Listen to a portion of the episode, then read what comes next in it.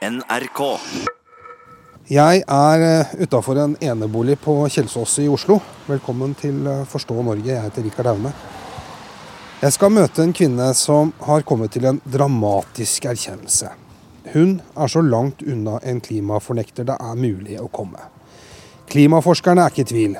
97% av verdens klimastudier påviser at klimaendringene er menneskeskapte.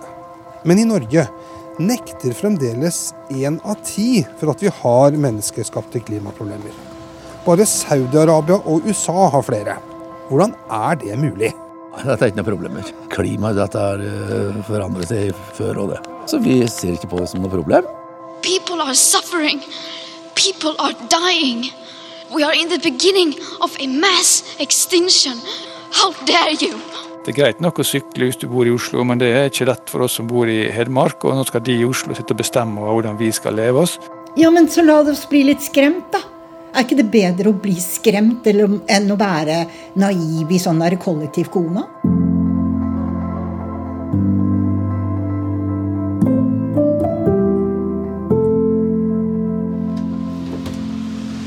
Hei! Hallo! Har jeg kommet riktig? Velkommen. Du har kommet rett, Ja, vet du. Se her, jeg har fullt med utstyr. Ja, jeg har litt med meg. Opp i andre etasje skal vi. Du trenger ikke henge av deg her. Ok. Vi tar det med opp. Ja, vel. Linda Innbjørg er antropolog og klimaforsker. Hun har arbeida på Senter for klimaforskning, CICERO, og i Direktoratet for samfunnssikkerhet og beredskap med klima og klimatilpasning som spesialfelt. Nå har hun bestemt seg. Hun vil ut av hovedstaden for å ruste seg for framtida. Målet er et småbruk. Her snakker vi landbrukseiendom, vet du. Ja. Se den vakre gården, da. For Hva er det som er fristende med det prospektet her, da? Det er jo jorda. Det, jeg ville ha dyrka grønnsaker og bær. Og så ville jeg hatt øh, høner og diverse i den øh, låven. Og geiter kunne man hatt. Så hvis jeg får meg en to-tre mål, så kan jeg dyrke ganske mye mat. Og det har jeg veldig lyst til. Men det handler om å, om å ruste seg, liksom? Ja. Jeg, jeg, ser litt på blikket ditt at du syns kanskje det er litt sånn revolusjonerende. Eller voldsomt. Det jeg føler dypest sett, er jo at det er litt dumt at ikke folk vet hvilken situasjon vi er i nå. Og hva det egentlig betyr for de butikkhyllene som ikke kommer til å være så veldig velfylte framover i tid. Og Da er det smart å ha litt jord? Litt jord, ja. Det er smart å ha litt jord. Så jeg bare tror at vi må erkjenne endringene og lære om dem og kommunisere om dem. At vi nå står midt oppi et klimaskifte, og vi vet ikke hvor det ender. Hvis den flommen som skulle komme hvert hundrende år, kommer hvert annet år, sånn er det i dag. Men vi ser det ikke sånn. Hvis det plutselig kommer frost når du skal så eller høste, og det blir et problem Ja, sånn er det allerede. Og det kan komme tørkesomre som varer i tre-fire måneder. Ja, det har vi opplevd allerede. Og så er det det at frekvensen av de hendelsene kommer tettere på. Tjup, tjup, tjup, tjup. Sånn er vårt nye klima. Og vi vet ikke hvor det ender. For det, vi har ikke vært der før. Snakker vi matmangel i Norge? Ja, hvis ikke, vi, hvis ikke vi snur på flisa, hvis ikke vi begynner å understøtte de som kan produsere mat uten gift Jeg snakka med noen andre klimaforskere, og de har sagt at eh, det er nok en del som, som innser at uh, dette er irreversibelt. At vi har kommet så langt at uh, det ser ikke så bra ut. Men, men, men man tør rett og slett ikke å si det så tydelig ut. Fordi man er både redd for å skremme folk, og for å gjøre folk litt uh, motløse. Ja. jeg, altså jeg, jeg skjønner det, liksom, og jeg har hørt det så mange ganger før. Jeg, jeg kjenner den konteksten. Men jeg er veldig uenig i det, altså. Fordi at hvordan skal vi skape en endring i en befolkning som er uten kunnskap om at den endringen er tvingende nødvendig? Det forstår jeg ikke. Tvingende nødvendig, men det er noen som sier at det er mulig å snu, da. Ja, bare- ja, men endringen er tvingende nødvendig. Ikke sant?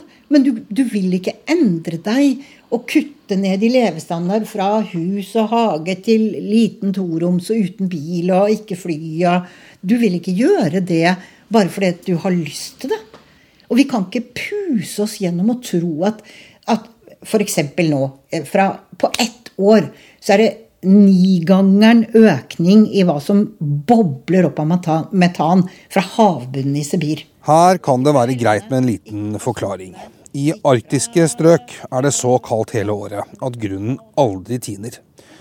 Det kalles permafrost og dekker omtrent en fjerdedel av den nordlige halvkule. Nå er den i ferd med å smelte, både på bakken og på havbunnen. Og det som virkelig er skummelt, er at det igjen fører til at metan og karbondioksid, som har ligget her lagra i millioner av år, siver ut, og klimaendringene skyter fart. Det er et eksempel på at vi har kommet over det såkalte vippepunktet, mener Innbjørg. Med andre ord, menneskene har satt i gang noe som ikke lar seg stoppe. Det er kjempealvorlig, fordi at det skulle jo på en måte ikke Vi har ikke beregna at det skulle skje. Og det er jo 30 ganger mer potent enn i hvert fall enn CO2, altså oppvarmingseffekten. Så den spyr ut klimagasser? Ja. Mm. Og det skremmer meg. Det skremmer meg òg når du sier det nå. Ja, men det er veldig skremmende at det skjer. Og det er russiske forskere som bare sier 'wow, hjelp'. Og det er jo jorda sjøl som har feber. Og så kan du spørre meg hva tror du om fremtiden. Og da må jeg svare deg at jeg tror jo ikke vi klarer å kutte klimagasser til en sånn ekstent globalt om vi så skrur av alt i morgen. Så tror jeg ikke vi er der at det fryser. Vi får ikke skapt mer kulde. Om så alle utslippene stopper. Og derfor så er det for sent? Nei, det er ingenting som er for seint. Det er for seint å stoppe det? Ja, altså, vi stopper ikke. Men, men, men, vi kan leve med det? Ja, vi kan leve med det. Det er det vi må begynne med. Men da må vi kvitte oss med veldig mye. Ikke bare en biff og en flytur til New York, men mye mer, mer. Ja. Og det tror jeg ikke helt vi klarer. Sånn at clashen vi får i andre enden av at vi ikke klarer å kutte Men ikke sant, om vi så kutter alt, da. I morgen. Skrur av krana. Globale utslipp i morgen. Så vil jo liksom havnivået f.eks. vil jo stige i 800 000 år til av den varme trappingen. Altså vi har fanga så mye varme. Og det er et saktevirkende system, dette klimasystemet. Det er som å ha en, en supertanker i full speed, og så sier du på ti meter skal du bremse opp. Men det du sier nå, det kan skremme ganske mange. Ja, men så la oss bli litt skremt, da. Er ikke det bedre å bli skremt enn å være naiv i sånn kollektiv koma? Martin, nå har jeg vært og snakka med Linda Innbjørg, hun klimaforskeren. og Hun kan jo bli skremt av mindre.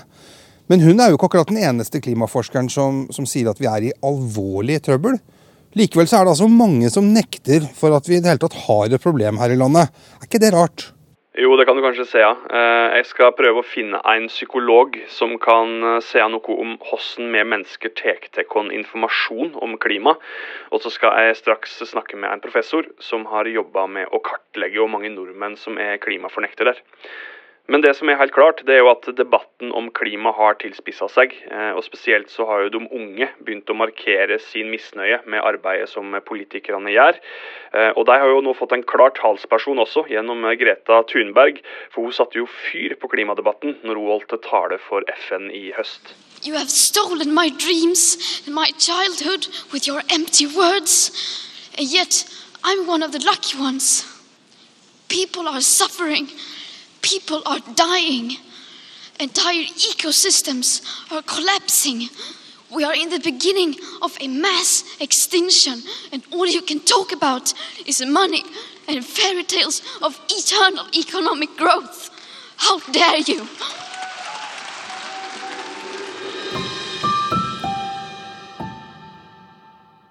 Arild Vatn, du er professor ved Norges miljø- og biovitenskapelige universitet. Eh, og du har vært med og gjennomført Cicero sin undersøkelse sammen med Marianne Aasen, der dere kan ha sett på klimaskepsis blant eh, nordmenn. Og Hva var det den undersøkelsen viste for noe? Den viste jo for det første at de aller fleste nordmenn eh, sier at klimaendringer faktisk skjer. Og de har blitt mer overbevist i 2019 enn de var i 2018.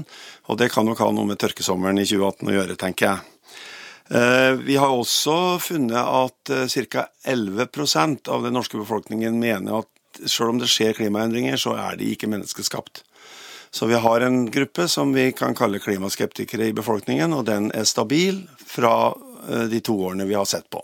Jeg har ikke den som er mest bekymra for klimaendringene? Vi har delt landet i fire regioner for å liksom kunne ha nok eh, svar. Selv om vi har så mange som 4000 i utvalget vårt, så vil vi ikke dele opp for mye. Og da er det sånn at Oslo og Akershus, deretter Nord-Trøndelag og Nord-Norge, er de som er mest bekymra, og så er det lavere bekymring på eh, Sør- og Vestlandet og resten av Østlandet. Og dårlig stelt er det egentlig med, med klima akkurat nå? Det er ingen bra situasjon. Det som kanskje gjør oss forskere i alle fall, mest bekymra, er jo det at vi er på en måte på en utvikling hvor tingene tar tid. og Dvs. Si ting vi allerede har gjort. Vil ikke få effekt i dag, men de får effekt senere. Og det bygger seg opp over tid. Så, så, det er jo et av problemene også politisk, fordi man ser effekten først etter mange år. Men handlingene burde ha kommet tidligere. Samtidig så har vi jo rom for handling. Eh, vi ser at Parisavtalen, eh, som snakker om 1,5, håpentligvis, men kanskje det blir bare to grader Vi ligger jo på en bane som er nærmere tre. Og det er jo ingen tvil om at politikerne er nødt til å ta mye sterkere grep. Og det er viktig, for selv om vi er på en utvikling som innebærer at vi får høyere temperatur og får problemer, så er det fortsatt mulig å begrense de effektene. Som forsker, er det vanskelig å fortelle resten av verden hvor ille det egentlig står til?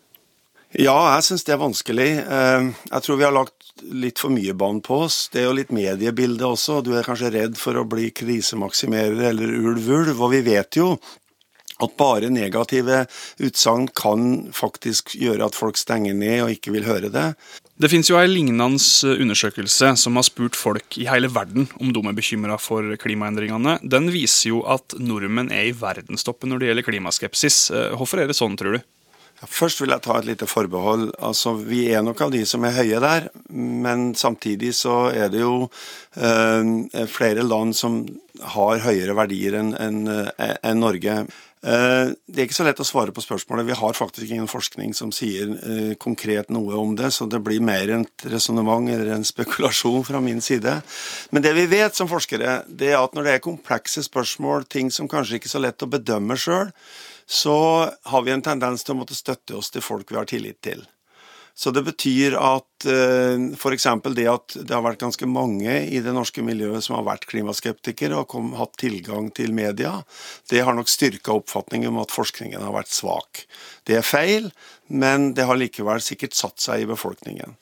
Det andre er jo at verdiene våre ofte blir utfordra når vi får kunnskap. Men det er ikke alltid sånn at den kunnskapen da trenger igjennom hvis de står i motstrid til de verdiene vi har.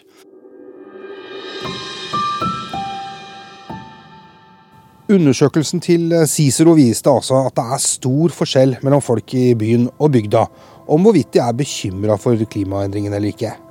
De mest bekymra finner vi i Oslo, og de minst bekymra bl.a. i Hedmark. Dette vil jeg sjekke sjøl. Først tok jeg turen til Grünerløkka. Ja, ja, jeg er bekymra for det. Ja.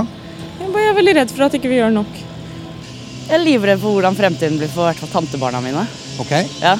Ehm, den klare lufta som vi har, du ser i andre land allerede. De må jo gå med pustemaske, liksom. For det, Mm. det er så vanskelig. å- Det er, ikke noe rein nok luft, liksom. Jeg spiser ikke kjøtt. Og så eh, Jeg får så dårlig samvittighet for å fly, men jeg gjør det for det. Gjør du det? Eh, ja, fordi noen ganger så må man det. Tre timer og 15 minutter seinere i bilen har jeg kommet til Åkrestrømmen i Rendalen i Hedmark. Samme tema, samme spørsmål. Nå har jeg vært på Grünerløkka Ja. og snakka med Jeg kommer rett derfra nå. Der spiste de ikke kjøtt, Nei, men og de altså ville ikke fly. Nei. Nå har jeg sittet på ja, post opp der på elgjakt, vet du. Ja. Det går jo fly hørt andre minutt over huet på meg, vet du. Ja. Altså, da er det ikke noe klima Da er det ikke noe problem med klima, altså. Det er bare tull, dette der. Men når forskere sier at det, det er andre steder i verden hvor man kommer til å forferdelig svi, altså. Folk kommer til å dø og kommer til å Ja, tørke. altså, og... men det er jo normalt. Det, det er jo normalt at folk vil dø. Ja vel. Det er jo så mye folk, så det er det som er det verste på jorda. At det blir for mye folk. vanskelig å si eksakt hva som er forårsaka av folk, og hva som er, vil være der uansett. Mm. Men i forhold til klimaendringene så høres, høres det ikke ut som du ligger våken om natta. Nei, det gjør jeg ikke. Nei. Nei.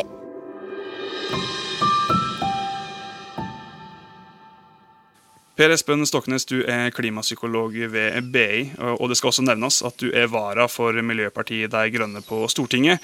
Men som klimapsykolog så har du forska på hvorfor folk ikke klarer å ta klimatrusselen innover seg. Og hva er det som gjør at vi mennesker ikke tror på klimaendringene? Psykologer og sosiologer vi har forska masse på hva er det som gjør, hvordan er disse filtrene som hindrer hjernen i å ta inn klimafaktaene. Og jeg har gått gjennom ca. 300-400 sånne vitenskapelige artikler og kokt det ned til fem hovedbarrierer.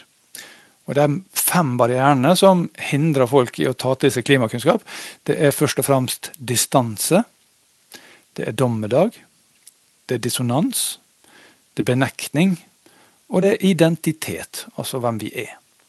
Men er det noen av disse barrierene som er sterkere enn de andre? Kommer litt an på hvilket uh, land du bor i. F.eks. Eh, hvis vi er langt mot nord, og nå er det snø og regn og kaldt, så kjennes ikke sånn global oppvarming så veldig nært. Så nordmenn kan distansere seg mot global oppvarming på mange måter. Mens um, f.eks. de som er rammet av flom eller tørke eller branner i USA, California f.eks., med skogbrannene eller flommen rundt uh, Midtvesten som vi hadde i år, de kan ikke distansere seg, for der er klimaforandringene rett i ansiktet på dem. Uh, så der blir det annen barriere, sånn som identitet, som er viktig. Fordi ja, det kan godt være at det er branner eller flom, uh, men det er bare naturlige variasjoner, sier jeg da. Hvis jeg har de verdiene som går på frihet og markedsliberale løsninger, altså at konsumentene skal få velge fritt. Jeg er ikke villig til å slippe på bilen min og den frie livsstilen min bare fordi det er en flom eller fordi det er en brann. Um, Da vil jeg gjerne bortforklare at både flommen og brannen kan være en del av klimaendringene, fordi jeg ønsker å tviholde på identiteten min. Men nå har jo fagfolk advart eh, mot klimaendringer lenge. Burde mm. det ikke begynne å, å, synke inn på noen måte? Det burde absolutt begynne å synke inn. Um, og det har gjort det i mange steder av verden. Uh, det har sunket inn f.eks. i Latin-Amerika og Afrika og deler av uh, India, Filippinene og Indonesia og sånn, som er trua av veldig sterke stormer, og også karibiske områdene. Men i rike vestlige land så ser det ut som at uh, mennesker tviholder på disse barrierene for å beskytte seg mot at uh, denne klimakunnskapen skal forandre hvem de er, og forandre hvordan de tenker og forandre hvordan de handler i hverdagen. Det er særlig én gruppe av uh, befolkninga som har særlig sterke sånne barrierer. Og det viser seg alltid å være hvite menn over 50 år de har vesentlig høyere og sterkere barrierer enn de under 30 f.eks. Hvorfor er det sånn, tror du? Jeg tror det er sånn fordi at disse over 50 år de har brukt disse 50 åra på å bygge opp en veldig sterk identitet. Eh, de har vært med å høste godene, særlig rike hvite menn over 50 år.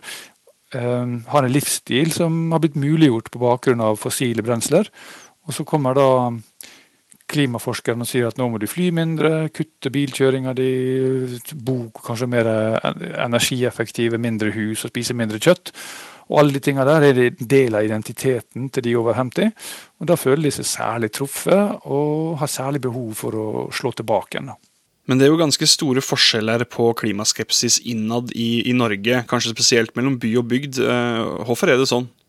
Hvis du er nær primærnæringene, altså, eller hvis du bor i et område hvor du er avhengig av bil, og du opplever ikke at det er gode alternativer, verken kollektiv eller elbilladestruktur er lett eller attraktiv, så har man en tendens til å ligge etter, eh, eller bli mindre fanga i barrierene og mindre bekymra for klimasaken. Og Så går det også på at vi har sett en framvekst av en ny sånn type motsetning i vestlige land, som går særlig på distrikter versus byer. At de distriktene opplever at de som bor i byer, blir mer sånn elite, og at Oslo bare tenker på seg selv. Eh, og at det er greit nok å sykle hvis du bor i Oslo, men det er ikke lett for oss som bor i Hedmark. Og nå skal de i Oslo sitte og bestemme hvordan vi skal leve oss. Leve her i Hedmark eller i Nordland eller hvor det er. Og da får man et behov for å forsvare identiteten sin. Um, vi snakker om at det har en stedsidentitet i tillegg til en politisk identitet. Og når hvis da Oslo kommer med reguleringer som slår ut på sånne som meg, som bor her, som, da forsøker Oslo å forandre på meg, og det liker jeg ikke. Så det begynner å slå inn sånn urban, rural motsetning i klimadebatten. Og Det tror jeg er veldig uheldig. En forsker som vi har prata med, han sier at han og flere andre fagfolk ikke lenger tør å fortelle hvor dårlig det egentlig står til med klimaet, eh, fordi at de er redd for å bli oppfatta som dommedagsprofeter. Hva mm. tenker du om det? Jeg tenker det er en veldig vanskelig balansegang. Hvis jeg springer rundt og sier at nå er det katastrofe, nå er det katastrofe, nå er det krise, og nå må vi slutte å slippe ut CO2 i morgen, ellers går verden til helvete, så er det kanskje faglig riktig, men det fungerer ikke som å frembringe handling og forandring hos folk. Så da syns jeg at de som forsker på sånt og ønsker å kommunisere det, bør studere vitenskapelig klimakommunikasjon, altså forskning på klimakommunikasjon, for å finne bedre måter å snakke om det på. Ehm, så for eksempel, Hvis du skal snakke om hvor truende det er, så kan du snakke om det at dette er en eksistensiell trussel i ti minutter. Og så kan du snakke i 30 minutter om alle mulighetene vi har til å løse det. Hvordan vi kan skape bedre liv med mye mindre utslipp, bedre helse, bedre byer, bedre mobilitet ved å unngå all den sløsinga som finnes i matsystemet, i transportsystemet.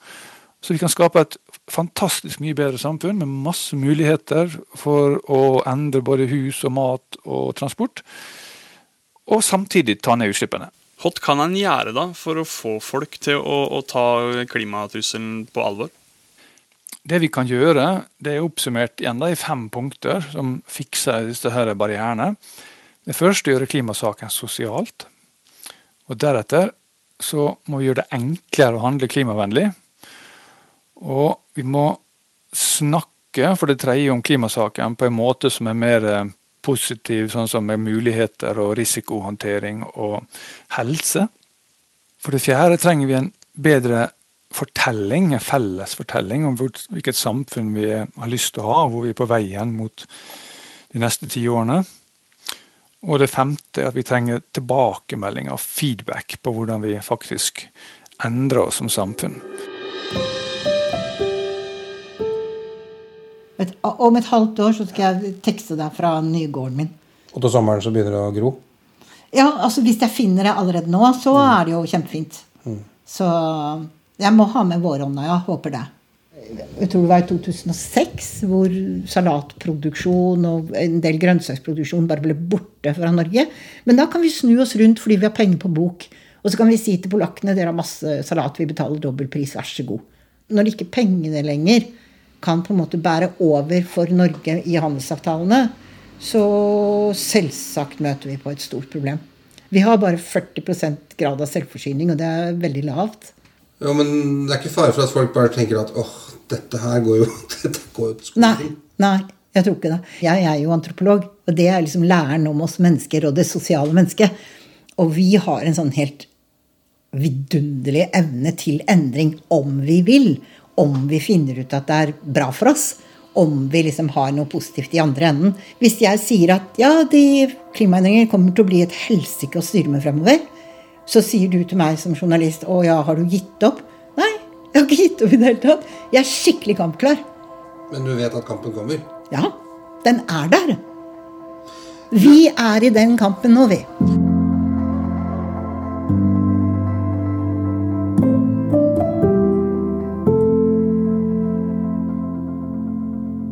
Forstå Norge lages av meg, Rikard Aune. Og meg, Martin Torstveit. Episoden er også redigert av Solfrid Leirgul Øverbø. Hvis du er interessert i å lese mer om eh, klimaundersøkelsen eller andre dokumenter som vi har brukt som kilde i denne episoden, så finner du lenker til disse i beskrivelsen til episoden. Vi er tilbake med en ny episode neste onsdag. Vi høres.